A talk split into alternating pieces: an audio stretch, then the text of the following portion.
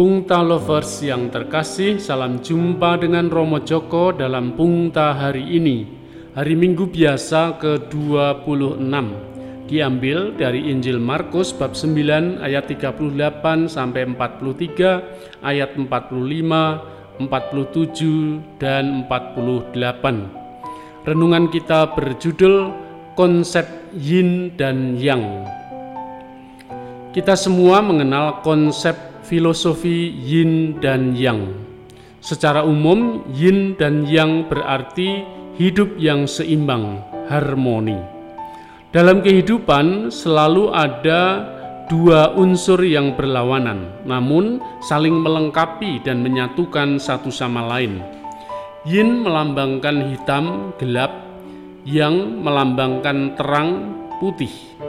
Namun di dalam yin ada yang, Begitu pula sebaliknya di dalam yang ada yin.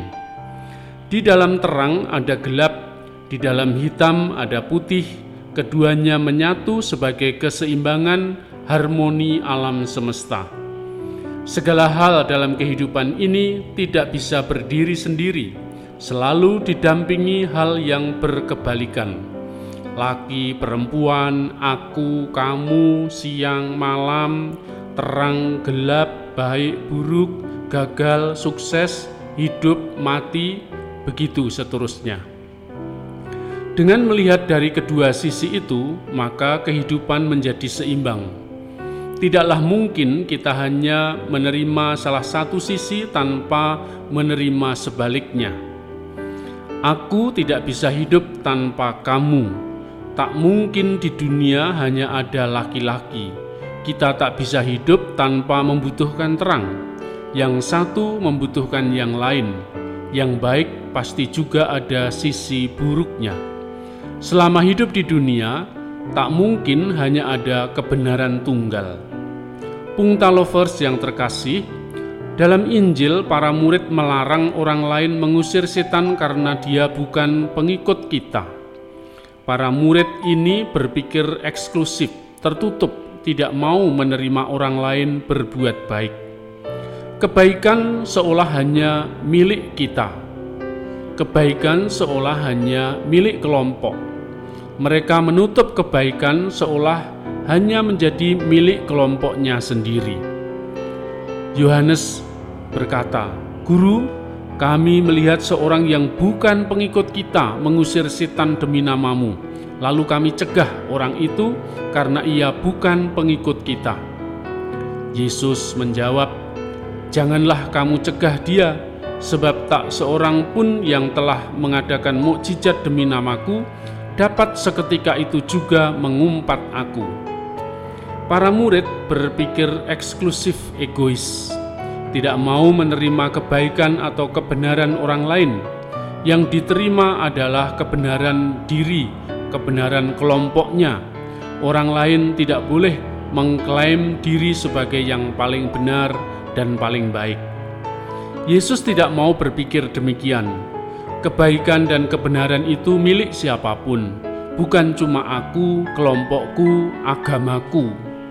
Kadang orang terjebak dan berpikir keliru. Dia mau membela mati-matian kelompoknya, walau dia berbuat salah dan melawan hukum. Jiwa korsa itu membela yang benar, bukan membela yang bayar. Yesus justru berpikir ekstrim. Jika orang menyesatkan, lebih baik dibuang ke dalam laut dengan diikat batu kilangan. Jika tanganmu menyesatkan, penggalah. Jika kakimu menyesatkan, penggalah. Jika matamu menyesatkan, engkau cungkilah. Lebih baik masuk ke dalam kerajaan Allah dengan bermata satu daripada dengan bermata dua dicampakkan ke dalam neraka. Kita diajak terbuka menerima kebaikan orang lain. Bukan kita sendiri yang paling benar dan paling baik. Bahkan kita tidak boleh permisif terhadap diri sendiri.